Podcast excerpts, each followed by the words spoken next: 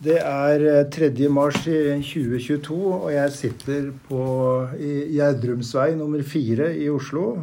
I lokalene til Politiets Fellesforbund sammen med Sigve Bolstad, som har vært leder for denne fagforeningen i snart ni år. Og det hans uh, rolle som fagforeningsleder, det er den vi tar utgangspunkt i når vi har samtalen. Sigve, han er politiutdannet. Han har lederutdanning, vært nestleder i Unio Stat, fullført sjefskurset på Forsvarets høgskole og holder nå på med en masterutdanning i ledelse på BI. Og han går om kort tid over i et vikariat som nestkommanderende i Enhet Øst. I denne samtalen skal vi prøve å få fram hva Sigve tenker om ledelse. Tanker, erfaringer og synspunkter og hva er det som skal til for å skape virkningsfull og god ledelse? Så De innledende spørsmålene som vi skal se på, er hva har du lært som leder? Hvilke tanker og synspunkter har du om ledelse i og av politiet? Og hva vil du med ditt lederskap? Men før vi går til det tematiske, så må vi vite litt mer om hvem er Sigve Bolstad? Ja, det er et godt spørsmål. Nei, jeg er Jeg er født, opp, jeg er født i Narvik, da. Mm. Men jeg er oppvokst på Lødingen, et lite sted med rundt 2000 innbyggere. Ja. Eh, to veldig flotte foreldre som alltid var der for meg. Satt på tribuner og heia på meg uansett eh, hvordan det gikk. Så var de stolte av meg. Sånt sitter i ryggmargsrefleksen for min del. Eh, I fjor opplevde jeg det tra tragiske, det trasige at han pappa gikk bort. Det mm. kjenner jeg sånn veldig sterkt på. Mm. Eh, så to søstre. Okay. Ei som er hva det er, ett og et halvt år yngre enn meg, og ei som er eh, ca. åtte år yngre enn meg. da. Så vi, vi, var en familie med fem. To søstre og mor og far. Hva slags type var han Sigve Bolstad som gutt og ungdom? Ut jeg tror at hvis du hadde spurt eh, familien og, og gutt, guttegjengen, eller de jeg hadde med å gjøre på, på Lødingen, så vil de nok si at en, eh, en liten sånn turbo holdt på med absolutt eh, alt mulig. Supersosial. Glad i mennesker. Jeg spilte i et band, i et uh, skolemusikken, basket, fotball, håndball. Altså alt sammen samtidig. og, og uh, hadde veldig lite behov for søvn. Mm. Eh, og ja, var veldig aktiv og så, så, veldig positivt på livet. Når tok du valget om å bli politi? Altså, jeg husker jeg hadde litt jeg hadde veldig, veldig sans for store biler. da. Så eh, tenkte jeg buss det, det, hadde jo vært kult. Kjørt med så mange mennesker, være bussjåfør. Eh, og så ble det litt sånn lastebil, og så var det trailer. og var veldig sånn fascinert av det. Og så hadde faren min jobba på ferga, ei ferga som går fra Lødingen til, eh, til Bognes, en times eh, fart. Og da, da, var det liksom ferga som var veldig sånn kult. Men, eh, men det var et lensmannskontor på Lødingen. Og faren til en god kompis av meg, han var lensmannsbetjent. Og han så jeg opp til. Han syntes jeg var kul og skikkelig ordentlig. Og på den tida så var det en del ting som skjedde på Lødingen. Mm. Så så han fulgte jeg litt, og en dag så spurte han, vil, spurte han om jeg ville komme en tur bort til han, og det gjorde jeg. Da satt bare han og meg, Martin som han heter, da, Hartløf, og, og meg, og satt og prata litt sammen. og da husker jeg han fremsnakka politiet på en veldig god måte. Mm. Og, Hvor gammel var du da? Nei, jeg var vel en sånn eh, Da var jeg vel faktisk blitt en sånn 14-15. Oh, ja. mm. Det var tidlig. Ja, ja. ja det var men, men nok, nok, nok, gammel til å, ja.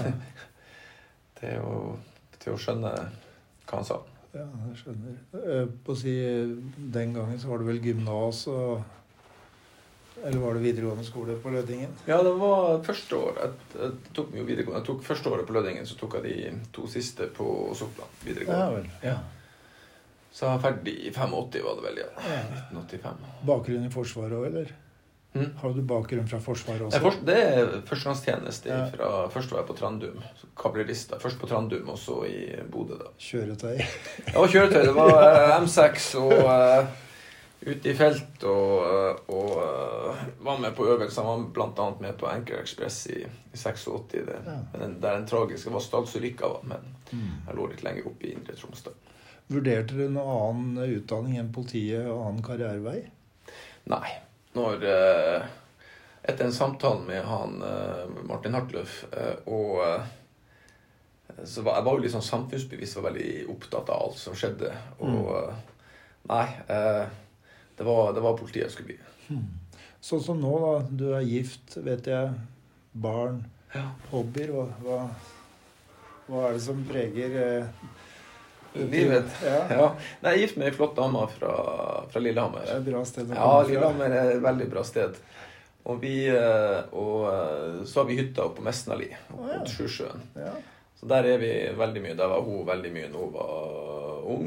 Og eh, der er vi mye og går på ski. Men går litt på ski, men det blir mest sykling. ja, Og så har jeg løpt en del og sånn, men så fikk jeg noe som heter Haglunds hæl, så Mm. da blir det mest uh, gåing og Men, men syklinga går bra, og skigåing går eh, bra, så Ja, så moro. Jeg har jo bodd i Mesnarli. Du bodde i Mesnali? Ja, jeg var, hadde barndommen min der. Jeg gikk eh, fra tredje til og med sjette klasse der. Okay.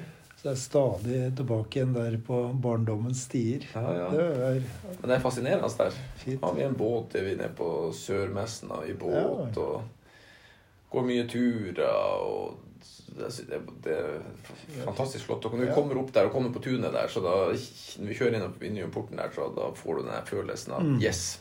Så det er litt dårlig dekning der, heldigvis. Så, så det er klart som forbudsleder så kommer det mange, mange, mange, mange telefoner inn. Så da. Kan jeg jo dekke meg litt bak at det er litt dårlig dekning. Men, men apropos det, altså eh, Perspektivet her er jo din rolle som forbundsleder, som du har hatt i snart ni år. Og før det så var du også leder av fagforeningen, av Politiforeningen i Oslo politidistrikt. Så at du er jo en, en innbarka eh, fagforeningsmann, person. Eh, hvordan har du balansert arbeid og fritid eh, eh, gjennom de årene du har vært eh, PF-leder? Ja. Nei, godt, godt, godt spørsmål, for jeg er jo en Jeg ser på meg sjøl som en familiefar. En som er opptatt av at jeg har ei datter som blir 23 nå, og en sønn på 19. Og en kone da. Så jeg er veldig opptatt av at de skal ha det bra. Jeg er veldig opptatt av at de ikke skal ha en sånn fjern, fjernfar, en Mm. fjernstyrt far. Eh, og derfor så, i de rollene som jeg har vært så heldig å fått uh, bekledd, både som leder av Oslo Politiforening og som forbudsleder, så har jeg alltid spurt de. Så det har vært sånn øyråd. Mm. men det øyrådet har vært veldig, veldig kort. Mm. De har, suttet og, de har også sittet og heia på meg og, og sett at jeg trives veldig godt med det. Eh, og tydeligvis vil jeg meg veldig, veldig vel da. Så, så, så, så de har heia. Men, jeg- men jeg har bestandig spurt. Jeg har bestandig spurt for å gå inn med noe som blir en livsstil. Jeg brukte å sagt du puster Oslo Politiforening, du puster Politiets Fellesforbund, og, og, og eh, det er 24-7. Mm. Så da er jo avhengig av at det ikke eh, blir et sånt evig gnagsår at uh, uansett hvor det er, så har du dårlig samvittighet. Men uh, tidvis en god del reising og en god del telefoner og en god del aktivitet. Uh, og en del hendelsesstyrt blir det jo i tillegg. Mm. Så det er en del av prisen, så det legger jeg ikke skjul på. Det er en del av prisen. Pluss at du er eh, som leder av nettopp den fagforeningen en veldig synlig person. Ja. I media, blant annet. Mm. Eh, hvordan får du krefter inn? da? Er det gjennom å være sammen med familien og drive fysisk aktivitet? Jeg skjønner ikke de som ikke er litt i fysisk aktivitet, og som sitter i, i sånne type stillinger. Men uh, vi er jo antakeligvis ulikt født og ulikt skapt. da. Men, uh, men uh, det, det, blir en kombinasjon. Vi, vi har en sånn avtale at når det gjelder sommerferien, så er vi minst 14 dager sammen. Bare oss fire. Og jeg har sett en del andre familier litt sånn, er litt sånn opptatt av at barna skal med seg andre barn. og litt sånn, og, og alt det er veldig koselig. sånn, men vi, men vi har bestandig hatt oss en sånn 14 dager ish. Mm. Der vi har dratt uh, utenlands, eller om så feriert i Norge, selvfølgelig. Uh, men det har vært oss fire. Mm. Mye når vi er på hytta, så er det oss fire. Da gjør vi ting. Da sitter vi oppe og ser litt på TV og spiller kort og prater, går tur og går på ski. og Mm. det er, liksom, det er liksom bare oss der. Det er, det er veldig sånn få hytter i nærheten der. Vi, ja, hytta er litt sånn for seg sjøl der. Så, så det er egentlig helt uh, perfekt. Så da får jeg samla litt. Kona er sprek. Hun løper mye, mye aktivitet, bootcamp og alt det der. Mm. Så eh, hun har også eh, pusha på. Så vi er en god del i aktivitet. Så vi alle, alle fire er i, i grei form, og da, da skapes en liten sånn forståelse for det. Mm. Vi, vi, må vite litt mer om Politiets Fellesforbund. Eh, jeg er jo medlem der sjøl og har vært det i, i veldig mange år. Én blant ca. 17 000. Fortell litt om eh, fagforeningen. Eh, rollen den har, og hva som er prioritet, og hva du har jobba mest med de senere årene. Ja, det, det Altså det er jo etablert at både med den nordiske modellen og det med partssamarbeidet så får man et bedre arbeidsliv. Man får et mer anstendig arbeidsliv. Og man skaper en vinn-vinn-situasjon mellom en arbeidsgiver og en arbeidstagerside. Eh, og hvis du tar politiet, så har vi jo et felles mål. Arbeidsgiver- og arbeidstagersida har jo et felles mål. Skal løse et uh, samfunnsoppdrag, få et politi som publikum er mest mulig fornøyd med, at man scorer høyt på innbyggerundersøkelsene. At vi at vi er der for publikum. Så, så, så sånn sett så er det et forholdsvis enkelt uh, utgangspunkt, et, et, felles mål. Og så er det alltid litt sånn ulike tilnærminger til hvordan man skal komme seg til, uh, til, uh, til det målet. Men det som har vært bra, og nå sist med, med, med, med politidirektøren, med, med Benedicte Bjørnland, det er at vi gjorde en avtale før hun tiltrådte for snart tre år siden. en avtale om at vi skulle samhandle, vi skulle ville hverandre vel. Uh, vi skulle ha en åpen og god kommunikasjon. Og så skulle vi ha respekt for hverandres roller. Vi skulle aldri slutte å prate sammen. Det hadde jeg også med politimester Ansten Gjengedal når jeg var mm. leder av Oslo Politiforening. og det har etter min vurdering vært veldig vellykka. Både for partssamarbeidet, for medlemmene i, i Politiets Fellesforbund og jeg mener også i forhold til den delen av spørsmålet som går på hva man har jobba med Vi har vært selvfølgelig veldig opptatt av lønns- og arbeidsvilkårene. Eh, vi har fått eh, etterforskningsløft. Mm. Det har vært veldig, eh, veldig rett. Der gjorde vi mye sammen. Vi hadde en god medlemsvekst. Når jeg overtok, så tror jeg det var en 13 000-14 000 medlemmer i Politiets Fellesforbund. Jeg overtok etter Arne Johannessen i 2013. Nå er det ca. 17 500. Mm.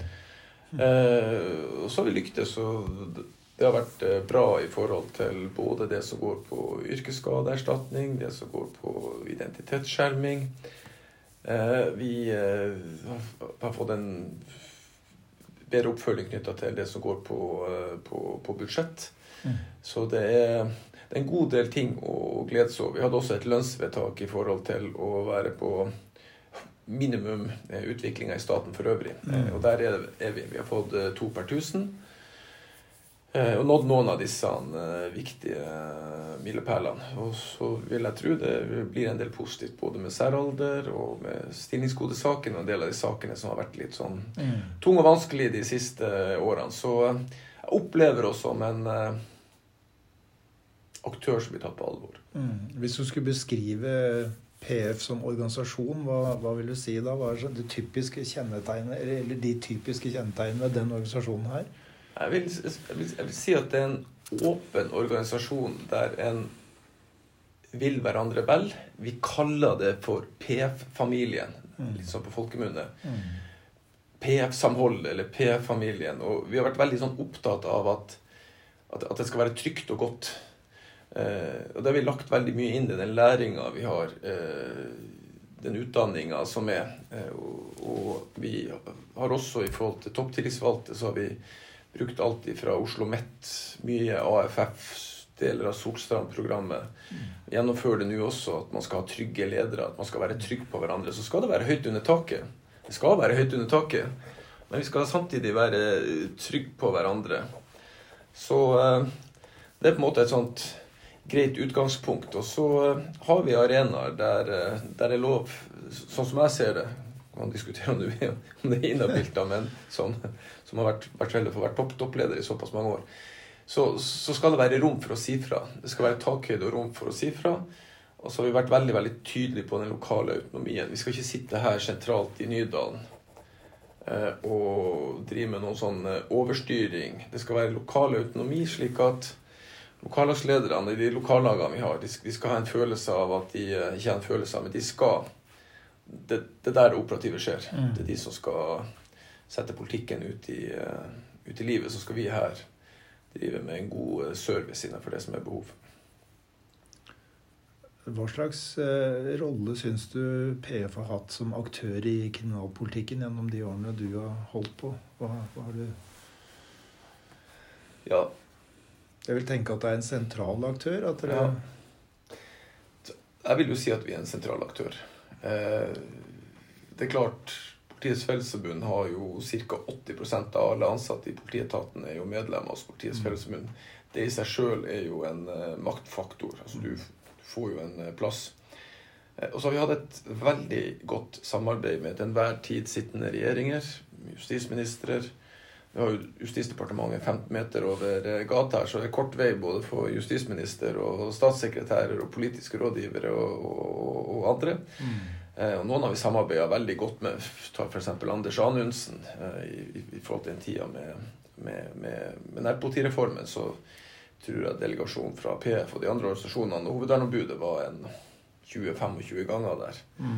Så da kom vi veldig sånn tett på. Så eh, vi er, For ikke lenge siden så hadde vi en, en god eh, runde med den nye justiskomiteen nede på Stortinget. Og Det har vi for så vidt hatt hver gang når det har kommet en ny eh, justiskomité. Så inviteres politikerne, særlig justispolitikere, ofte til oss. De er med på samlinger som vi har, og, og vi har en veldig god dialog med dem. Eh, hvis du tar yrkesskadeerstatninga, som vi fikk den saken, så var jo det også på bakgrunn av et meget godt eh, samarbeid med politiske partier. Og så har vi utarbeida sånn eh, partiprogram. Ikke, nei, ikke partiprogram, men sånne program. Eh, som vi har eh, setter opp mot stortingsvalg særlig, men også til kommunevalg. Der våre viktigste saker ligger, og som vi har en god dialog. Så jeg føler at vi er tett på en god dialog. Vi har en politisk rådgiver her som eh, er veldig tett på eh, statssekretærer og politiske rådgivere og andre. Vi har jo en sekretær som er jo statssekretær som er politiutdanna. Ja, Vika, ja. Vika, ja, Ja. Som vi kjenner godt begge to. Ja, Nettopp. det er korrekt. Ja. En viktig fagforening. Det har det vel vært egentlig i alle år. Eh, gitt det fagfeltet som alltid får eh, oppmerksomhet, men også at medlemsmassen er så stor. Hvis man tar den mediemessige hun, eh, Lederen på kommunikasjon her, og Liselotte, når hun tok en oversikt over eh, 2021 og Da viste det seg at PF og Sigve Bolstad har vært i media, alle i media eh, inkludert, eh, over 1600 ganger. Hvis man tar med seg lokallagene også, så var det et stykke over 2000 eh, treff som man får i sosiale medier, TV, radio og, aviser. Så det er klart vi, eh, vi, vi er der når det er noen saker. Da går vi over til eh, politi og politiledelse. Eh, kanskje litt på utdanning i ledelse også. Eh, jeg innleder sånn og sier at det er mange ledere og mange ledelsesfunksjoner i norsk politi. Og jeg vil også hevde at det er mange dyktige ledere i politiet som utøver godt lederskap.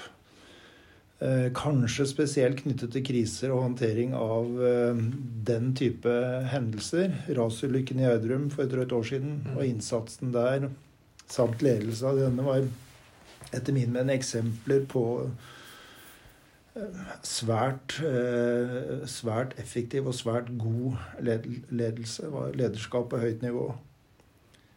Eh, Likevel så er det vel sånn at for de fleste organisasjoner, så, og uansett sektor, så må man da satse på en forbedring eh, av ledelseskompetansen og ledelseskapasiteten. Eh, Du har i senere årene tatt utdanning eh, både ved Oslo Met og går nå på BI og tar en master i ledelse. Hvorfor valgte du BI? Nei, det, nei, det, det var etter hvert et bevisst valg. Jeg satt og vurderte litt for ikke så lenge siden, så sluttførte jeg en bachelor. Eh, og så satt jeg og tenkte på at eh, selv om jeg nærmer meg 57 år, så man blir jo aldri utlært. Eh, og, og dette med ledelse og det å få en litt sånn kombinasjon mellom praktisering, det med det erfaringsbaserte, samtidig som man får den teoretiske påfyllet, det har alltid fascinert meg. og nå sitter jeg jo i en klasse med 50 stykker det, der det er folk fra både helse og forsvar og politi. Og, så det er en veldig bredde der. Så, eh, så jeg har hørt veldig mye positivt om BI. altså Det, det rommet som er der, og, og eh, dyktige foredragsholdere der. Mm. Vi har en professor som heter Linda Lei der, som er særdeles engasjert, og som også har vært en del eh, aktiv og hatt en del oppdrag i, i, i politiet. Så det, det, var rett og slett Og så er det sånn eh, modulbasert. Mm. Så du tar et program. Så eh, det er klart det, det, blir en god del å gjøre når du tar et eh, program på BI samtidig som man er formuesleder. Så da passer den erfaringsbaserte masteren med Mm. at du tar program, passer veldig godt inn. Mm. Og så er det ikke til å legge skjul på at det er 200 meter herfra og ned til, mm. til BI her i Nydalen. Så, så det, er jo, det, er jo, praktisk også. Men, men, men, først og fremst så Det jeg leste meg opp på i forhold til det de hadde å tilby på BI, det, det, det traff veldig i forhold til den rollen og, og, og, i det lederskapet som jeg skal ha tilbake til til medlemmene og tillitsvalgte i Politiets Fellesforbund. Du var inne på kombinasjonen mellom praktisk erfaring og, og, teoretisk påfyll. Kan du utdype litt hva, hva, du har som personlig utbytte gjennom å ta en sånn utdanning? Det er interessant å teste litt av den erfaringa og det vi driver med, eh, opp mot andre. Dette er jo veldig sånn dedikerte studenter. Veld, veldig dedikert. Og, og, og, jeg registrerer at de er veldig opptatt av politiet. Ja. Altså det, det, det, tar ikke mange sekunder før du kommer inn i klasserommet der før, før, før politiet blir nevnt. Og, og, jeg ser mange av de eksemplene mye av den interessen der nede. Det går veldig mye på politiet. Mm. Av 50 så er vi bare to fra politiet, meg og en fra Politiets sikkerhetstjeneste. Men uh, mm. vi legger beslag på 50% av, nesten sagt, av plassen og tida der nede. Uh, men jeg opplever det bare som, som, som positivt. Så, så det, å få, det, det, å få litt sånn, sånn, sånn testa noen av de tingene som vi sitter og tenker litt på i Politiets Fellesforbund og i politiet, opp mot andre profesjoner, litt inn i det akademiske, selvfølgelig, som, som det skal være på et masternivå og på, på, på BI, det, det, fascinerer meg. Så jeg, jeg, sitter og reflekterer en god del. Og du får sånn tid til å reflektere. Mm. Så får du se om det passer det litt med forskning. Mm. Passer det litt med det, som, det andre har av oppfatning. Og så får jeg brynt meg på noen andre noen Mm. ting som jeg kanskje har sånn noen absolutter. får jeg brynt meg litt på, Og så går jeg ut derfra og så tenkte jeg Nei, kanskje var det ikke så absolutt da likevel. Så det, det, det er sånn læring. Det, det, er kjent på en tilfredsstillelse med det. Vil du si du styrker deg som politileder? Jeg Ja. spør bevisst, jeg bruker ordet politileder i og med at du er i ferd med å starte en sånn Ja. karriere igjen. Ja, for Det er litt interessant for hun vi har, altså Linda Lei, professor Linda Lei.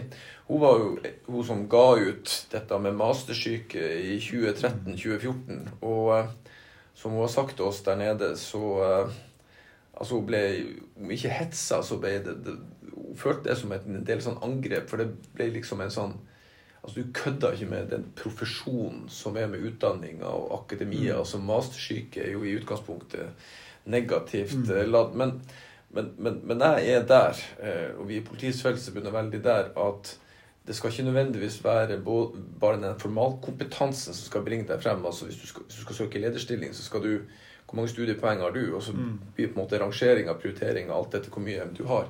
Men jeg, jeg tenker eh, litt, så, litt, litt, litt av alt. Mm. Altså, alt. Alt med måte. Men, men, men eh, at, at, du, at du bør sette deg ned og få en, en liten sånn oversikt av det som skjer i akademiet, tror jeg man også har eh, sunt av. Jeg spurte faktisk han som er instituttleder der nede om hva han tenkte, for han var også litt inne på, på det med, med, med master og politiet. Og jeg husker svaret hans var at du bør Ja, la oss si at du tar deg en sånn 20 studiepoengs eh, eh, kursprogram eh, innenfor ledelse, så du skjønner det. det. Det mente han på en måte Det bør holde hvis det da var, var, var relevant. Og det ja, Det forundra meg litt at han sa det, Mm. men samtidig så gjorde det litt sånn, sånn, sånn godt. Vi må ikke få et kun et sånt akademisk lederskap. Det, du, skal ut, du skal løse samfunnsoppdraget. Mm. Du skal være ute blant folk, Mm. folk flest. Og du skal lede folk. Og det handler ikke bare om eh, formalkompetanse. Eh, men det er ingen ulempe å ha det med seg. Det er vel eh, Politiet bruker eh, verktøykassa som eh, et, et, et, hva skal vi si, et sånn metafor for, eh, for det vi har av, av repertoar, Ja. og det vi kan, og det vi kan bruke. Så kunnskap fra BI og andre steder om ledelse. Det er vel eh, et bidrag inn i å øke repertoaret til den enkelte leder som leder. Ja. Syns du at eh, politiet som organisasjon og etat eh, prioriterer nok å rekruttere, utdanne og utvikle politiledere? Jeg synes at Ut ifra det jeg kjenner til fra den rollen jeg har, uh, gitt at jeg da ikke har går hver dag ute i, ut i politihverdagen mm. Men uh, jeg synes at det har vært en positiv utvikling. mye positiv tilbakemelding i forhold til det som skjer på politiskoler. Uh, og at man har fått noen Nå har man jo fått noen masterprogram. Man har satsa mer innenfor etterforskning, innenfor ledelse med mer. Men, men enda hvis det, jeg ser hvis vi har møte i Nordisk uh, politiforbund, f.eks., mm. så ser vi ja, det er på et helt annet nivå i Finland. Mm. Uh, delvis i Sverige og i Danmark. Og, så, så vi, ligger litt, vi, ligger nok litt, etter der. Mm. og innenfor du kan ta sykepleiere og lærere med mer enn null. Lærerutdanninga er jo en, en, master også innenfor sykepleien. Og, eh, og, helsefeltet så ser vi at eh, de har kommet eh, lenger. Og så ble jeg veldig, jeg ble veldig skuffa når vi ikke fikk til en nordisk politiledelse. En utdanning på, på mastenivå. Det, det, hadde vi virkelig trengt. Jeg tror jeg kunne ha løfta ledelse veldig. Så at den så at den eh, grunnstøtte, det, det syns jeg, jeg rett og slett var et uh, nederlag. Det går jo an å tenke på nytt, da, sånn at vi ja, kanskje kan lage en master i politiledelse i, i, i, ved Politihøgskolen. Enten alene eller i samarbeid med en norsk, uh, en eller flere norske høyskoler som har gode utdanninger på området. Da, Nei, men jeg, da, ser, jeg, ser, jo litt når vi, når vi sitter og diskuterer oss i juni, men sånn generelt, hvis man tar de ulike departementene. Mm. Altså Justissektoren er jo noen av de som det er jo en av de sektorene som forsker minst. Mm. Eh, og der det er minst lederutdanning også. Ja, vi har jo innenfor helse, som sykepleierne og for så vidt eh, leger også bruker, og andre, så er det jo eh, master i helseledelse. Har vært i ja. mange år. Eh, master i skoleledelse, f.eks. Så det er knytta til å dyktiggjøre personer i en profesjon inn mm. mot lederstillinger. Mm. Det, jeg, jeg, altså jeg syns vel også at det er litt rart. Jeg, jeg, klarer ikke annet enn å tenke på at det ble starta en lederutdanning i norsk politi allerede i 1983. Mm. Eh, da kom det såkalte førstebetjentkurset. Ja. Og nå snakker man også om å styrke førstelinjelederne. Men jeg synes, ja, det er jeg helt enig i. Det syns jeg er veldig bra og riktig. Men, men man burde kanskje også styrke de andre nivåene. Ja, det er jeg helt enig Og jeg ble litt sånn forundra, for jeg var jo så heldig og, og fikk uh, sjefskurset på Forsvarets høgskole i, i 2012. Mm. Og der var vi jo en klasse på 28, der halvparten er fra Forsvaret og de tre ulike grenene der. Og det, det slo meg, det kunnskapsnivået som de fra Forsvaret hadde som kom, som kom inn der, mm. det, det var høyt. Det var godt. De var skikkelig reflektert og helhetsorientert. Så mm det slo meg der jeg tenkte at shit, nå har de gått forbi politiet. politiet. Ja. Jeg, jeg, jeg, så for moro uh, morsomhets skyld her, så så jeg på en del andre land. Så både Tyskland, Nederland og Finland da har egne master i politiledelse. Mm. Uh, det er sikkert en rekke andre land som også har det. Uh, Norge ligger jo veldig langt framme på utdanning av, mm. av politifolk. så mm. jeg, hadde vært naturlig. Ja, det er litt merkelig, det. For uh, vi, vi, liker jo å si, antakeligvis med rette også, at vi har en av verdens altså den bachelorutdanninga, politiutdanninga, mm. en av verdens beste politiutdanninger. En treårig uh, utdanning der du kan ja, virkelig få deg en bredde, og at du har et mm. sånt uh, for det å løse samfunnsoppdrag, at man har det grunnfjellet med seg, tror jeg er utrolig viktig. Men ja, det som du er inne på, Rune, man skulle ha, man skulle ha tenkt litt videre også. Ja, Jeg syns det er interessant når du peker både på Forsvaret og på sykepleiere og, og, på lærere som har dette her. Forsvaret har sitt grunnsyn i ledelse, mm. eh, hvor man eh, snakker om intensjonsbasert og oppdragsbasert ledelse, og det er tre eh, styrende verdier som ligger grunn, til grunn for det her. Mm. Eh, kunne man tenkt seg et grunnsyn eh, i politiledelse for norsk politi? Ja, jeg tenker ja. Altså, mm. Ledelse er jo en uh, egen profesjon. Uh, tonen fra toppen. Uh, mm. Og man er jo med, man blir jo tryggere også. Mm. Så jeg tror, og, og, det vi får tilbakemeldinger i, fra i Politiets Fellesforbund, det er jo rett og slett når vi tar og gjennomfører disse topplederutdanningene, om det er gjennom AFF, mm. Solstrand, Oslo Met og de stedene som vi har uh, brukt. Så det er flere som, Og det er jo ledere som også er med der. De sier at dette, dette er et tilbud som de aldri har fått i, i, i, i, etaten. Som de tar med seg som er verdifullt. Men det er også flere som melder tilbake etter at de har tatt det og fått det. om det er ja, La oss ta nå sist med, med, med, AFF at det har også hjulpet dem videre i, i karrieren, og de kjenner at det har eh, gjort noe med dem. Så, så ja, der henger man etter, rett og slett, i, mm. i etaten. Jeg, ser, jeg vil gå litt videre på ledelse, og jeg kaller det ledelse som ressurs. Uh, også en slags, Det er jo en praksis. Um, hva forstår du med ledelse, hvis du skulle forklare sønnen din hva, hva jeg vektlegger i mitt lederskap?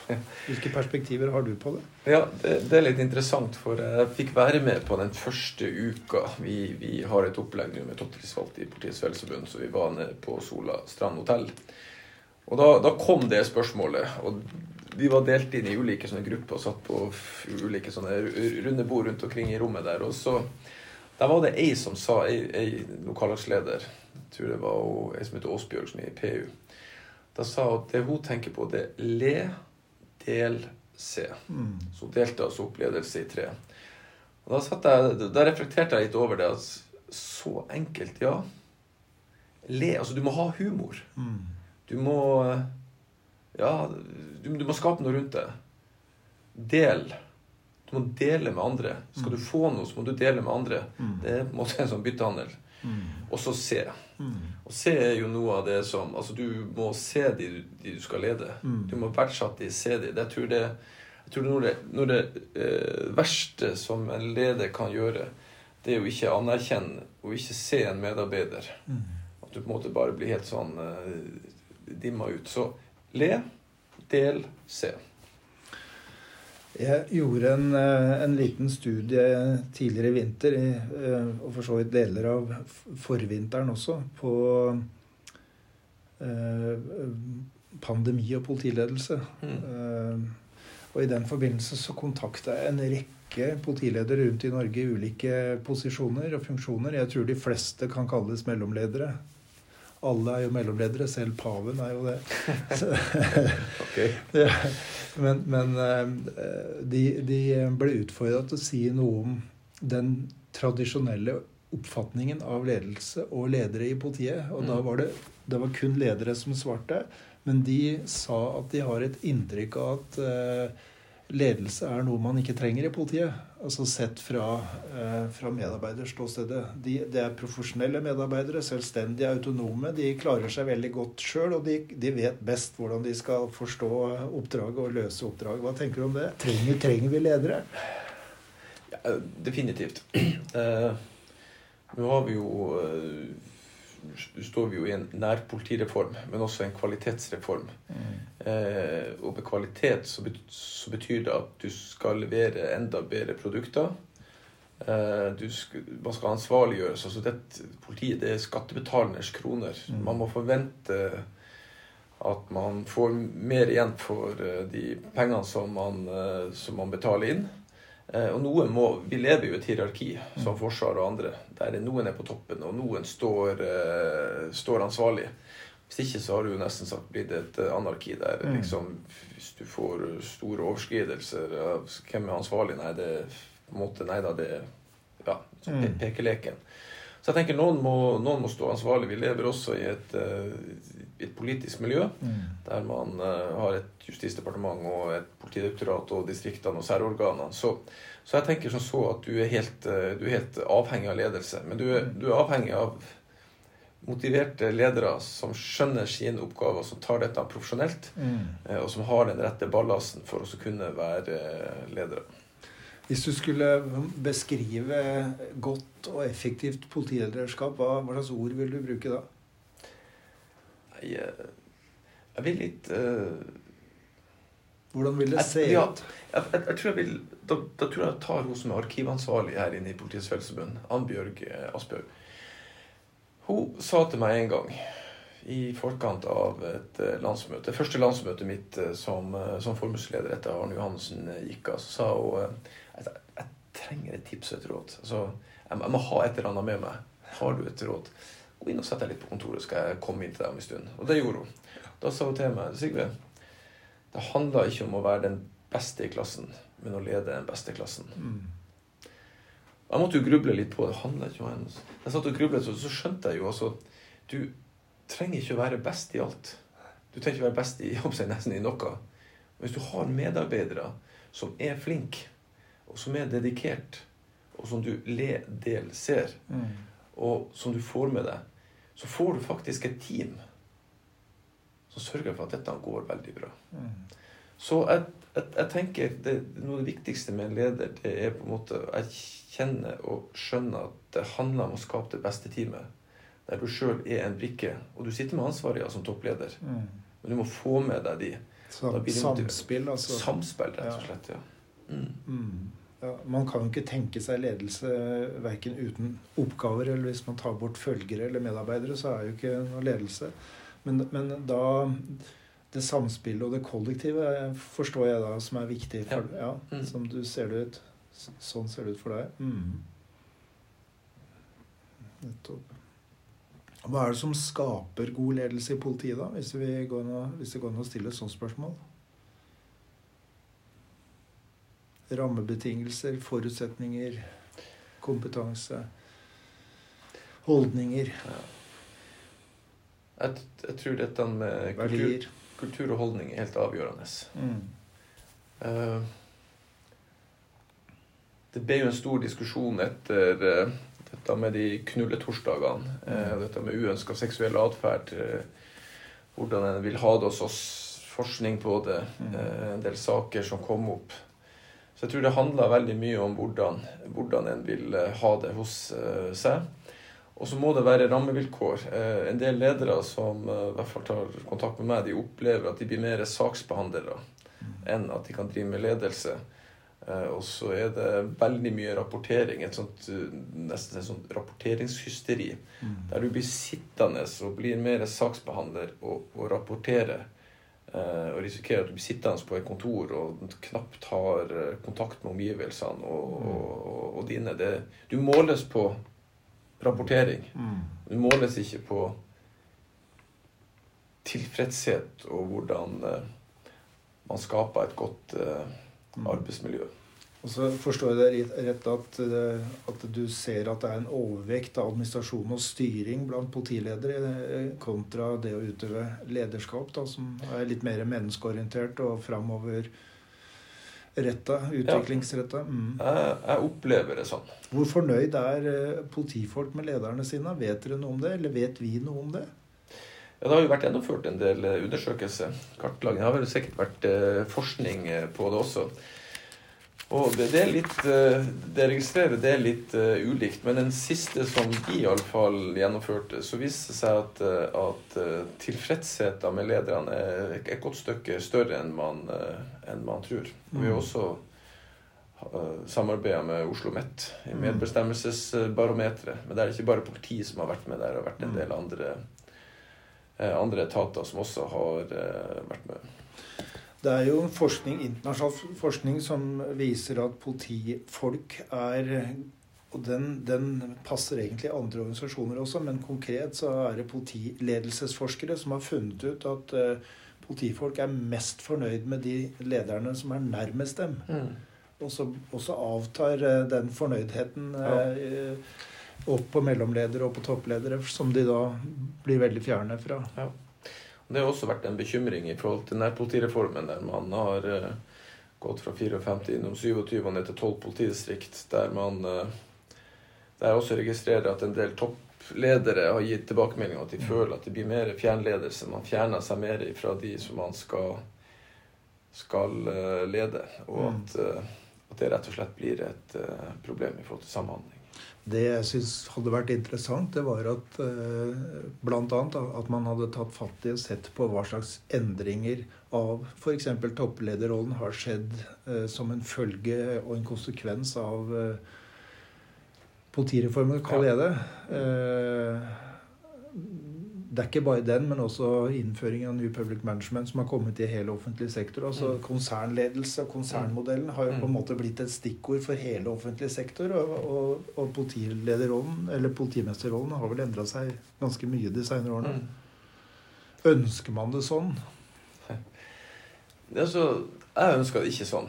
Uh, og jeg, jeg, tror det er ganske mange som er enig i det standpunktet som, uh, som jeg tar. Så skjønner jeg jo at F.eks. politimesteren i Oslo kan ikke snakke med alle de ca. 3500 ansatte ved Oslo politidistrikt eh, hver dag, hver uke eller hver måned. Men det er noe med å, å, å, å være tett på. Det ser man en, mm. på en del karismatiske, gode ledere som har vært opp gjennom eh, årene med, med både Barack Obama og Nelson mm. Mandela og mm. en del av de som altså, Noe av fellesnevneren er jo at de, de har selvfølgelig vært flinke å prate og alt sånt, men de har på en måte Folket har oppfatta at de har vært tett på. Mm. Uh, og uten å bringe inn noen sånne krigshandlinger og litt sånn, og, og sammenligne med sånne ekstremledelse, ekstremsituasjoner, så, så, så, ser man jo presidenten i Ukraina nå, f.eks., mm. med, med måten han fremstår på. Han tar på seg en grønn uh, militær uniform. Mm. Uh, og står ikke der med skjorta og slips og, mm. og, og ser ut som han skal på skal, et, skal et selskap. Mm. Så han, han, er på en måte en av folket. Men det er, det er litt sånn ekstremt. Men det, bare, det slo meg bare litt mm. nå når man er synes, i den tragiske situasjonen. Jeg syns det er interessant å peke på tidligere politimannen Per Bleiklia, som ja. er leder for, eller var i hvert fall inntil nylig, ja. for Ringerike sykehus, ja. som har fått priser i helsevesenet av eh, Legeforeningen for godt lederskap. Og noe av det han sa det var, Han brukte jo sparkesykkel rundt i korridoren. Ja, ja, ja kjente folk og snakka med folk. Ja. Så det, han uh, gjorde det vel tilsynelatende det motsatte av uh, å bli en administrator. Så var han en leder. Mm. Men behandle folk likt. Mm. Stopp på den sparkesykkelen om du trenger, treffer en eller en som driver med rengjøring. Mm. Om det er IKT-sjefen eller uansett hvem det er. altså Ikke, ikke gjør sånn forskjell. altså mm. Jeg tror det er sånn godt menneskesyn og det at du er sånn oppriktig En ting er at du er glad i folk og vil de vel, ja. men at at, at, at du behandler de likt. Ja. Du har vært inne på det, men, men uh, altså, hvis det går an å generalisere, da, og sett ut fra ditt utsiktspunkt som er leder av, uh, av en stor fagforening Altså uh, hvordan, hvordan, er en typisk politileder? Er det en administrator, eller er det en leder? Er det en endringsagent? Er det en kulturell arkitekt? Ja, det, det er jo litt sånn uh, ulikt. Det er klart, hvis du er en, uh, en operativ uh, leder i, med, på patruljeenheten, f.eks., mm. så er du én type leder. og Så er du en toppleder, en politimester, eller en som sitter i politimesterens ledergruppe. Så har du et, en annen type måte å utøve ledelse på. Så jeg, jeg tror det, det har blitt mer sånn profesjonalisert litt i forhold til hvilke type oppgaver du har, og mm. hva du skal lede. Så jeg tror mindset og litt hva man er opptatt av, er, er, er, avhengig av det. Men det er klart du kommer jo tettere på hvis du er en avsnittsleder og mm. er tett på om det er på en etterforskningsavdeling eller om det er på en patruljetjeneste, så kommer du selvfølgelig tettere på. Sånn sett er mer avhengig. Mm. En fot i faget har jeg satt som overskrift her. Altså, eh, det er Jeg kan begynne sånn. altså I, i forskning om politiledelse, også internasjonalt, og jeg tenker nå konkret eh, på en studie fra England, så mener politifolk at, eh, at deres ledere bør være politiutdannet, og de bør ha gått i gata, hatt skoa på, som de pleier å si. Det gir tiltro, det gir legitimitet. Da veit de hva Eh, yrket og yrkeshverdagen består i. Eh, hva tenker du om eh, det generelt sett i, i norsk politi? Jeg mener, jeg mener, det bør være en bra balanse. Og det man registrerer Nå fikk jo norsk politi eh, kritikk etter det tragiske 22.7. Eh, kultur, holdning og ledelse. Mm.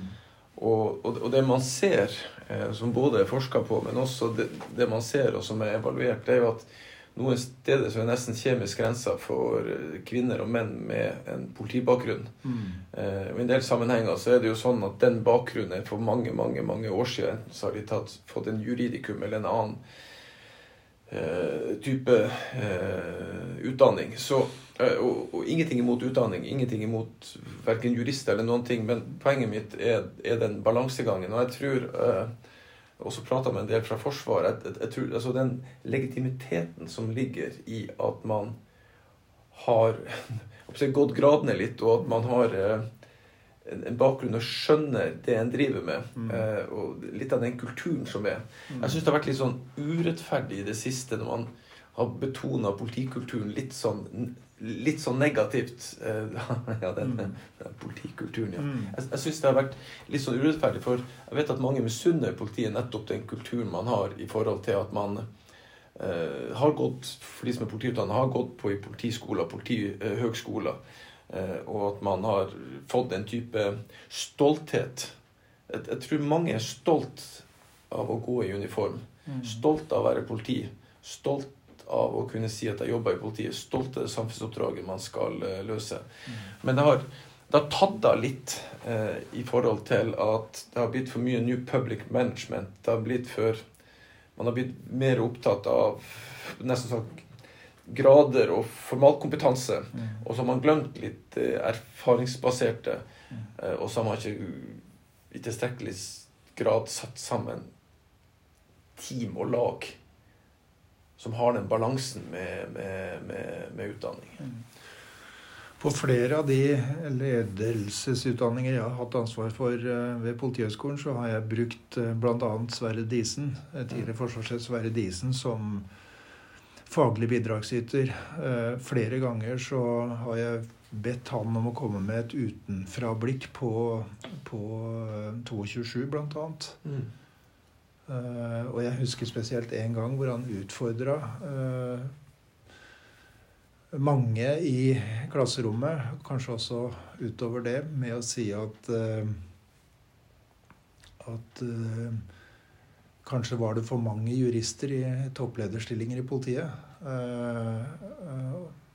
han sa da at 'min far var jurist, du har en søster som er jurist'. Det er noe med det er noe med den utdanningen og den legningen sånn, som gjør at du er ikke like på alerten som, som kanskje andre. Jeg legger ikke opp til noe, noe profesjonsstrid her, men, men den bakgrunnen folk har, den gir en form for briller på hvordan man oppfatter det å lede. Det å utføre lederskap. Og jeg tror at det at vi har hatt mange Eh, jurister som toppledere har satt et preg på politiet. På godt og på mindre godt. Har du noen tanker om det?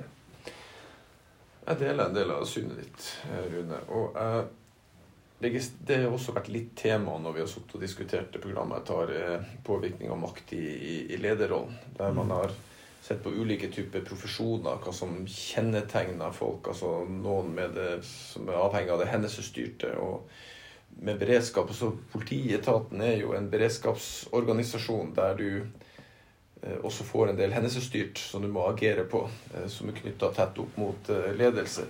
Og så er det litt sånn, litt sånn det synet og det, det grunnsynet på det samfunnsoppdraget man skal løse. Og, og uh, forskning viser jo at du blir prega av den utdanninga du har. Du blir selvfølgelig prega av det oppvekstmiljøet det miljøet og alt det du har. Og, og eh, jeg har aldri skjønt eh, altså, hvis, hvis, man tar juridikum, det er jo ikke en lederutdanning. Altså, det er jo, jo jussen. Og det, vi, har masse, vi har mange gode, dyktige jurister i norsk politi. Og også ledere. Så det mm. som vi er inne på, det, det er ikke noen sånn beinhard profesjonskamp og mm. profesjonsstrid jeg legger opp til. Men jeg, jeg mener balansen er, er, er feil. Mm. Jeg mener det har vært for lite fokus på ledelse det har vært for lite fokus på at du tross alt må ha politi i politiet. Han, uh, analytikeren her han sa at ja, ja, er det sånn, Apropos Dissen som stilte spørsmål opp på Politihøgskolen. så Analytikeren her, Dag Arne, har stilt ja, er det behov for politi i politiet. Så tenkte jeg at det er jo et enkelt svar på det. Det er jo ja, og så er diskusjonen mm. ferdig. Men det ble en lang diskusjon. Mm. Ikke nødvendigvis at det ble sånn avstemning med at det er hovedvekt sa at nei, det er ikke behov for. Men det ble en veldig sånn diskusjon ja, hva trenger man egentlig en profesjonsutdanning til. Mm. Uh, men, jeg, men, jeg, tenker som så det, det, det, det, bør være flere med polisiær bakgrunn som bør opp i lederstillinger og høyere opp i lederstillinger enn det vi ser i dag. Og det har på en måte blåst en sånn vind der på en måte eh, Jeg har vært med på at når man har presentert folk, eh, kommet noen nye inn også høyt oppe i ledelsen, så er man presentert med CV-en. Mm. NN har en bachelor i det, og har en master i det, og en doktorgrad i det. Mm. Der jeg har påpekt noen ganger at du du har ikke presentert vedkommende. Jo, du har presentert vedkommende. Jeg har presentert en CV. Ja. Kan du se for deg at en dyktig og bevisst student som har fullført Politihøgskolen, tenker at vedkommende har som mål å bli politimester eh, eller leder av et saueorgan? Eh, hvis vi tenker at du møter og snakker med en gruppe nyutdannede politifolk som har en sånn ambisjon, hva vil du si til dem? Ja, altså Vi hadde noen sånne eksempler, faktisk. Så det var, det var litt interessant at du nevnte det. Men det, det vi har merka det er jo at uh, de som går ut av Politihøgskolen nå, utrolig dyktige uh, folk, bare så det er sagt. Men, men, men, flere har gitt uttrykk for at de skal ikke kjøre sånn ordinær, vanlig patruljetjeneste. Nei da, og så har de gjerne noen sånne fagområder som de vil jobbe med. Eller, og en god del sier at de, at de rett og slett skal bli leder. Nei, til dem så, så vil jeg si eh, gratulerer med vel overstått. Eh, med, med, med bestått politihøgskole og, og bachelor og velkommen inn i et fantastisk yrke som, eh, som det er et stort behov for eh, å, å få dyktige folk til for å løse samfunnsoppdraget. Eh, men jeg vil anbefale dem å, å skaffe seg litt sånn bredde. Litt sånn innenfor etterforskning, litt innenfor patruljetjeneste. Få kjenne litt på etaten. Få kjenne litt på den politikulturen. Få kjenne litt på de oppgavene som preger norsk politi, som skal prege norsk politi. Og når du da begynner å bli litt sånn uh, varm i skoen og begynner å bli litt sånn uh, Ja, da kan du bli litt mer fram, fram i skoen, men å liksom tenke at nå er jeg ferdig med bacheloren, og noen av de har jo til og med en master også, så nå er det politimester jeg skal bli. Det tenker jeg det Glem det. Mm. Tenker vi langt nok fram når det gjelder å rekruttere, utvikle og utdanne politiledere? Altså jeg, jeg så en rapport nå hvor forskere fra Australia, de hadde, som da er knytta til den australske eh, institusjonen som utdanner politiledere, de ser på hva er vårt behov i 2045. Mm. For de sa da at det tar eh, ca. 10-15 år før de som utdannes nå, eh, er aktuelle. Eh, hva slags verden vil de møte? Hva slags krav til kompetanse og talent vil det eh, bety? Og hva må vi gjøre for å gjøre dem i stand til å aksle den eh, mm. lederjobben da? Tenker vi, tenker vi langt nok her i Norge? Altså Spørsmålet er jo lagt opp på en sånn måte svaret er nei. og Særlig når du bringer inn noen land som ikke jeg kjenner så godt til hvordan de gjør det, hvordan de tenker. Så det er litt sånn ny informasjon for, for meg når du bruker de eksemplene, Rune. Men nei, altså antagelig så bør vi, vi eh, altså Handlingsrommet er litt for lite. Handlingsrommet for å sette seg ned og reflektere litt uh, over det. Jeg hadde noen gode samtaler med noen i Politidirektoratet, og vi husker den uh, første gang vi hadde politidirektøren på, på besøk i Politiets Fellesforbund, en kongress oppe på, på Gardermoen, så, så, var det det fremtidsbildet, litt av disse megatrendene med digitaliseringa og, mm. og, og, og, litt av det som vil møte oss. Nå ser man jo med det grønne skiftet, med digitaliseringa, hvilke type ledere trenger man, hvilke type egenskaper trenger de. Og det er klart, du kan liksom ikke si at vi, vi forholder oss til si, 1900-tallet. Mm. Vi, vi, må tenke litt frem, og, og hva er behovet? Så, så det, det, vil nok det med ledelse vil nok endre seg, eh, mm. og den utviklinga må vi følge. Men jeg, men jeg tenker man, man må få et litt større handlingsrom, og så må man reflektere litt mer eh, på det. Et annet eksempel. Jeg var med på et, eh, et seminar som det var Svensk Politiforbund som hadde initiert. og det var både rikspolitisjef, det var folk fra politihøgskoler, men også fra universitet, mm. som satt og diskuterte litt både med lederrollen og litt sånn mm. framtidas politi. Og jeg tror det ordet som gikk mest igjen, og som brant seg fast hos meg, det var også tid til refleksjon. Mm. Og, og, og, rett og slett eh, eh, tenke seg litt om i forhold til hva man trenger. Mm. Det er Mange gir tilbakemelding at hverdagen er såpass hektisk at det handler bare om å ja, være i det hamsterhjulet. Ja. Mer enn å reflektere og så få med seg litt uh, Ja, sette seg ned og reflektere litt, rett og slett. Engelsk politi har jo for veldig få år siden lagd fire til seks framtidsscenarioer på ja, 10-12-15 år fram i tid. Mm. Som da sier sånn vil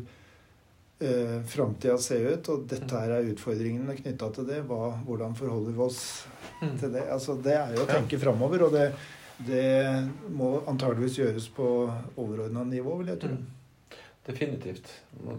I forhold til politiet, du ser jo kriminalitetsutviklinga mm. og hvordan den går, og, og, og, hva man må være god på. Det skal jo mm. gjerne være et hestehode foran, både innenfor mm. ledelse og generelt det som går på kriminalitetsbekjempelse. Da må jo lederne også mm. være sånn pinpointa på, på de utfordringene som ligger der. Jeg har lyst til å uh, utfordre deg litt på åpenhet og tilbakemelding. Ja. Uh, altså, uh, hvordan er din vurdering av åpenheten i norsk politi og den tilbakemeldingskulturen som vi har eller ikke har, eller har grader av?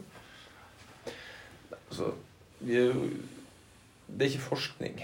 Men det har vært gjennomført noen undersøkelser, spørreundersøkelser, som vi bl.a. har gjort i, i Politiets Fellesforbund men også andre har gjennomført det. Og det jeg registrerer, det er jo at eh, en del gir tilbakemelding. Ikke nødvendigvis at jeg, vil ikke karakterisere det så sterkt som at det er en fryktkultur, punktum. Mm. Men at det er ikke nok arenaer eh, for å komme med tilbakemeldinger. Eh, og du ser jo også litt i forhold til en del av varslingssakene og det generelle nivået når det gjelder varsling. Altså, skal ikke generalisere. altså Noen er gode, og noen skjønner det og, og, og, har løst vanskelige saker på en, mm. på en god og på en tilfredsstillende måte. Men, men, men, det, man, men det, man, ser, og som mange gir tilbakemeldinger på, det er at de, de, de, de føler at ikke, åpenhetskulturen ikke er god nok. Vil det si at det er lavt under taket da i politiet, eller? Eh, no, noen steder vil jeg si at det er lavt under taket, ja. Mm. Hva, kan, hva, kan, vi gjøre for å styrke åpenhet og, og få en enda sterkere tilbakemeldingskultur i politiet, syns du? Nei, altså, jeg, det handler jo i stor grad selvfølgelig om eh, tonen fra toppen. Mm. Eh, nå syns jeg ikke vi har en politidirektør som forsøker å gjøre takhøyden så lav at du må krype. Jeg, jeg er ikke der i det hele tatt. Men, men det, det, er et stort maskineri, og sånn tradisjonelt sett så tror jeg det det handler nok, nok en del om hierarkiet som politiet er oppbygd etter. Mm. Sånn tradisjonelt sett alt i forhold til karrieremuligheter, det å få kurs, hvordan man skal ha det. Det er jo et flomlys som står på politiet og det man gjør til enhver tid. At man skal være korrekt, er for så vidt greit, men det å prøve og feile mm. Eh, det er liksom Hvis du, hvis du er åpen så risikerer du jo rett og slett at uh, taler deg imot. Så skulle det, vært, skulle vært større mulighet for oss å feile uten at det nødvendigvis fikk de store konsekvensene. Mm. Jeg tror også der, der ligger en, en, veldig viktig grunn eller en plattform da, for å få til eh, kontinuerlig læring. Altså at man tolererer feil. At man også, som du har vært inne på tidligere, at man er dyktigere til og mer bevisst på refleksjon. Mm. Ehm, både over eh, den praksisen man har, men også over de perspektivene man bruker. Og er det noen blinde felter her? Kunne vi tilføre andre måter å se ting på? Jeg, ja, det er interessant. Alle prater jo om at man, man, lærer av sine feil. Men det er klart, hvis eh, Hvis det er sånn at du gjør en feil, og du erkjenner feilen, står fram med den, hvis du da blir dømt og blir tatt for den, at det ikke mm. ligger noen læring, og at det ikke er noe rom for det, og ingen sånn refleksjon rundt det, så holder jo folk igjen. Altså, det er jo mm. ingen som vil, eller i hvert fall veldig få som vil prate seg sjøl inn. Mm. i en, eh, si, en straffesak. Ja, ja, det er klart. Men eh, altså, det kan være feil og bommerter som er mindre alvorlige, som, eh, som man kunne Altså Løsning av oppdrag, ble det valgt en, en god uh, løsning, eller kunne man ha sett det løst enda bedre? Liksom mm. bare det tankesettet. Noen ja. avdelinger har det, altså mm. beredskapstroppen. Ja, ja. skal akkurat si det. Ja handlingsrommet som, eh, som politiledere har eh, Det er jo en stund siden du var ute i den operative etaten. Mm. Men eh, du, du, sitter jo på en lyttepost, og, og du treffer mange på å si både ja, politifolk i, på ulike nivåer. Hvis du tenker på din opplevelse av det handlingsrommet ledere har i politiet, hva vil du si da? Det jeg vil si, det er at eh, noe er ulikt. Eh, noens tilbakemelding er veldig klar. Det er et, mm. det er et eh, stramt og snevert handlingsrom. Det handler om å følge med i det hamsterhjulet. Det handler om alt, alt, med rapportering. føler seg veldig som saksbehandlere. Mm. Bare har fått avgitt rapporteringen og holde innenfor de fristene som er, og sørge for at budsjettet blir overholdt. Så får du på en måte kvittert ut uh, bra.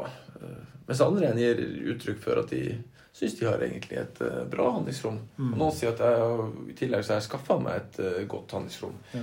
Noen har delegert noen av type oppgavene som altså Der noen ledere sitter og driver med sånn litt sånn detaljstyring og, mm. og, og litt, er litt mer sånn kontrollfriker.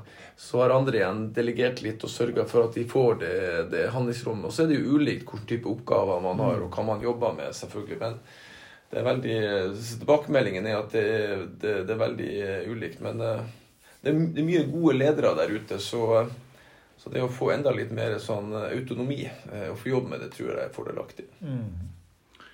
Går litt inn på feltet som jeg har kalt læring og vekst. Hva er det som har drevet deg som leder av Politiets Fellesforbund?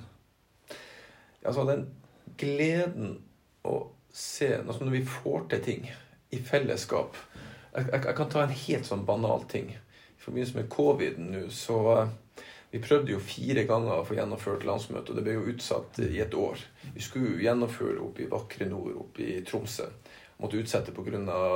covid. Og så,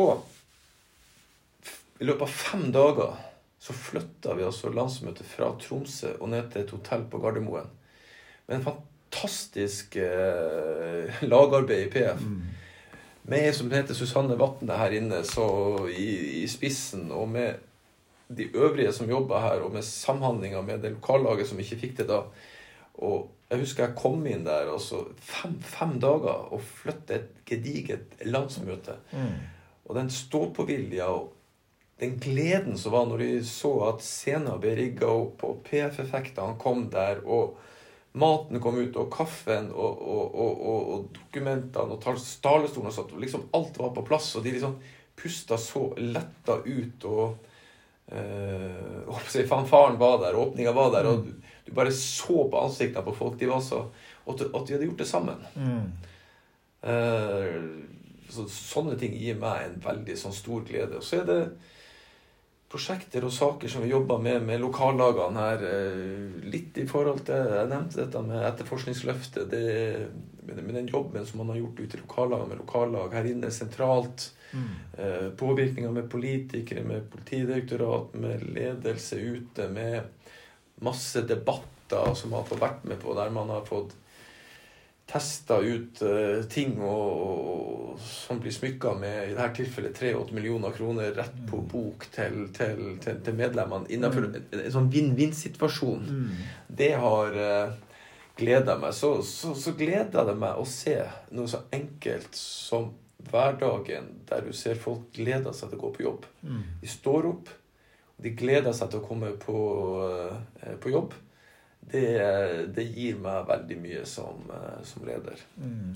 Har du opplevd noen beslutningssituasjoner som, eh, som har prega deg som person og som leder i PF? Ja, ja flere. Men jeg må uh, Varslingssaken i Bergen, altså Monica-saken, mm. den er vel noe av det som har prega meg aller mest. Mm. Det, da hadde jeg jo i veldig tett samhandling med Kjetil Rekdal, som var lokallagsleder. Eh, og litt sånn med samfunnsoppdraget og litt med det som er pre, pre, prestisje. Altså hva, hva, er politiets uh, si, drivkraft? Mm. Og hvordan skal man framstå? Hva betyr det å løse et samfunnsoppdrag? Mm. Med det tragiske utfallet med ei åtte år gammel jente da, som, uh, som dessverre var død. Mm. Uh, og en del av de valgene vi måtte ta der, der du visste at det ville få store konsekvenser for enkeltpersoner i etaten, for uh, ikke minst mor til Monica og, og, og samhandlinga i, uh, i, i, politiet, og hvordan det vil prege enkeltpersoner. Du, det fikk jo store konsekvenser. Noen måtte gå. kanskje var det noen som rett og slett tok livet av seg. Mm. Uh, korttidssykemeldinger, langtidssykemeldinger, et uh, dårlig arbeidsmiljø, selvfølgelig særlig mm. borti, borti Bergen, borti, uh, borti vest, som har prega altså, man nesten sagt, Om ikke prega hele samfunnet, så har det i hvert fall prega etaten mye. Mm. Så det er klart det altså, I en del av de situasjonene, i en del av de avgjørelsene, så, så hadde det vært enklere å sagt at Hvor sikkert det, det, det går Altså, mm. Er det vårt ansvar, så trenger vi å gjøre det. Mm. La, la, det nå passere. Mm. Og det var jo et veldig sånn dilemma. Mm.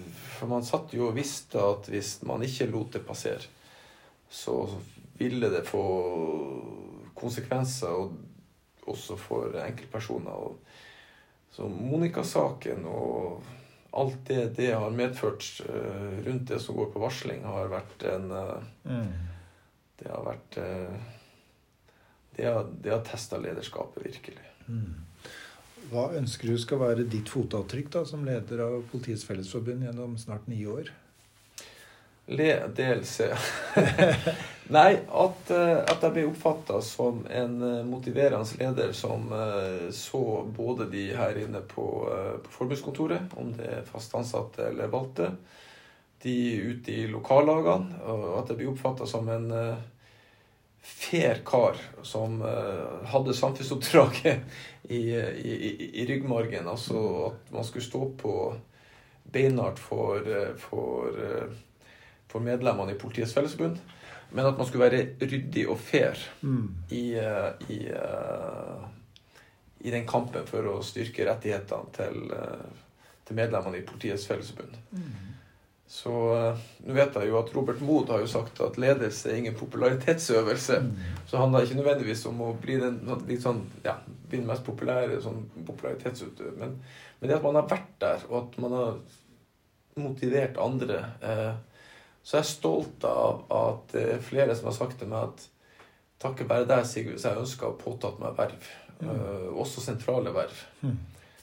både gjennom tida mi i Oslo Politiforening. Uh, der jeg bidro til å få fram flere kvinner, også i, i Politiets Fellesforbund, eh, da jeg stod som forbundsleder. Så eh, når jeg slutta i Oslo Politiforening, så var det jo en kvinne som overtok for første gang som leder i Oslo Politiforening. Og, og, her i Politiets Fellesforbund så ser det ut som det er den første kvinna i Politiets Fellesforbund som blir eh, forbundsleder, i hvert fall i første omgang, fram til mm. det ordinære landsmøtet i, i, i Sandefjorden i november. Mm. Så, så det, det syns jeg også er bra. Vi har jo jobba med å få opp kvinner. Ja, bra.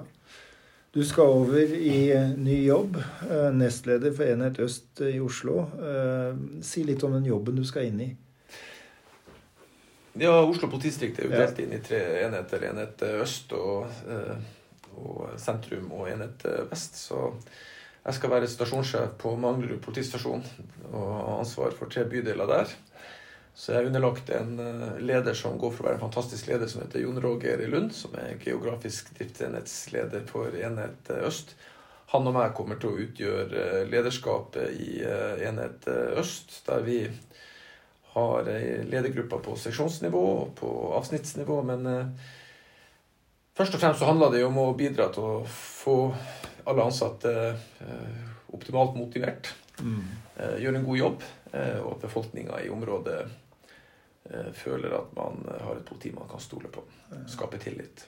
Så handler det om å eh, For min del så handler det om å spille Jon Roger Lund god. Mm. Og så handler det om at vi i fellesskap klarer å, skape, klarer å spille eh, politimester Bategang gang og sko, og, og hele distriktet godt. Mm. Det har vært noen utfordringer knytta til eh, ja, hva skal vi si, gjengmiljø, ungdomsmiljøer som, hvor det har vært en del drap nå. Hva, hva tenker du om det som, ut, som en del av utfordringsbildet du møter? Jeg registrerer jo at man har jobba veldig godt med, den, eh, med dialog. Eh, man forsøker å være tett, tett på, være ute, prate med folk, ta dem på alvor. Når det skjer noe alvorlig, engasjere bydelene. Har vært eh, mye møter eh, ute på Holmlia. eh, Så det har vært noen tragiske drap i forhold til det med, med gjeng. Men jeg tror det handler om å skape tillit. Det handler om å få frem at norsk politi ønsker å bidra til et tryggest mulig samfunn. Og det med gjeng er jo en av de øverst prioriterte oppgavene for både Oslo politidistrikt, men ikke minst for Enhet Øst. Så selv om, selv om det er tragisk med tragiske hendelser knytta til eh, en del av gjengkriminaliteten, så, så ser jeg fram til å ta tak i det. Jeg, jeg, jeg liker utfordringer, og Mm. det, så jeg ser fram til å ta tak i det. Hva slags leder kan eh, medarbeiderne på Øst eh, vente seg når Sigve Bolstad kommer og, og blir varm i skjorta? Jeg er utrolig motivert. Jeg gråt litt når jeg tok på meg uniformen igjen. 17 år eh, siden sist. Jeg hadde den på, jeg sto på Jaren der og prøvde, og så sto med den politiskjorta på meg. Det, det, det, da falt det en tåre, det må jeg innrømme. Jeg er supermotivert, eh, utrolig glad i mennesker, og, og eh, liker å være med på å utgjøre en forskjell. Da. Liksom ligget litt sånn i ryggmargsrefleksen både gjennom tida som leder av Oslo Politiforening og som, som formuesleder. Å Være med sammen med andre og skape ting og få til noe. ting, og se at folk rundt blir eh, bli- blir fornøyd Mm. og gi positive tilbakemeldinger. Så handler det om å ha en god struktur, både i ledergruppa og at man kan rapportere tilbake gode resultater fra Enhet Øst. Og se her. Mm. Se hva medarbeiderne i, i Enhet Øst eh, klarer å levere. Og også når det er vanskelige og store og tunge opp, oppdager. Mm.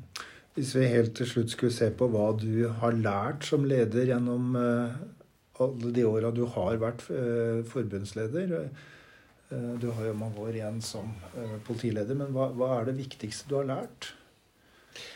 Ja, det er at man blir aldri utlært. Det er Det kommer utrolig mye dyktige, fine folk rundt meg som har både motivert meg, og som har gitt meg andre syn på, på saker. Og litt tilbake til og Annbjørg. Altså, det handler ikke om å være den beste i klassen, men å lede den beste klassen. Eh, mye latter.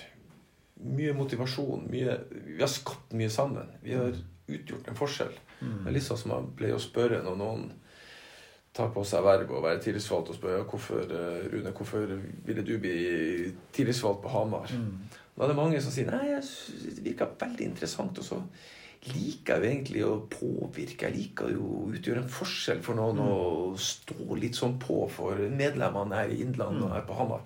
Så ja, yes, jeg liker det. Og sånn har jeg sittet og følt uh, veldig mye på. Men uh, det har slått meg noen ganger. Jeg, av og til har jeg vært litt sånn bastant og tenkt at nå har du tenkt alle tanker, og nå yes, nå Sånn må det bli. Og så har man sittet og hatt en liten kollokvie eller sittet og reflektert litt, og så har man fort skjønt at shit det, det er mange som kan være med på å bidra. Mm. Nei, men da sier jeg tusen takk for en interessant eh, og veldig hyggelig samtale. Eh, Og ønsker deg lykke til i jobben som politileder på Enhet Øst. Jeg regner med at eh, jeg kommer til å møte deg igjen ved flere anledninger. Jeg ser fram til det. Tusen takk. Takk for at jeg fikk muligheten.